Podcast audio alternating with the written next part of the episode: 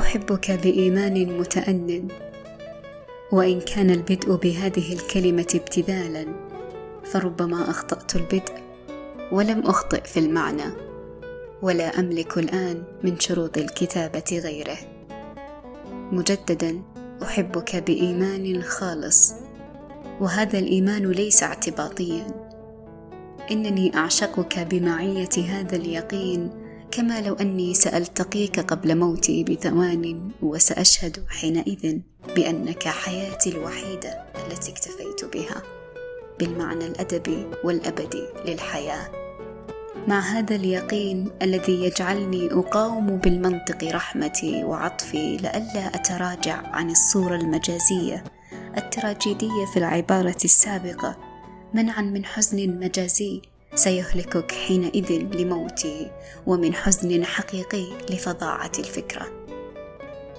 بهذا اليقين الذي تنامى تحت الضغط برغم المسافة وبين نوبات الاكتئاب بالمكاشفة وبالمعرفة والمساندة التي لم تفسد بهرب أو ملل. هذا اليقين الخام الذي لم يتكئ على الشعر والأدبيات الفضفاضة ولا على الزمن وفلسفة العشرة ومع هذا اليقين أيها الثابت فيه فلا يمكن لشيء أن يحول بيننا ونحن نحن.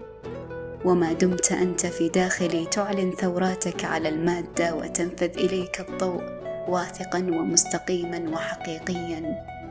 فأراك ملء نفسي وأدركك ملء نفسك وأحس بك والله يحشر ذكراك ووجودك في في كل خلية وكل فكرة طارئة. وفي كل خطة لا تشملك فتشملك. وأنا هنا في هذا البيان أحفل بانتصارك وأقيم لهذا الحب عرسا شاعريا. ومع هذا اليقين يا حبيبي لم أخشى ولا ولن مما وممن قد ينفذ إليك عنوة.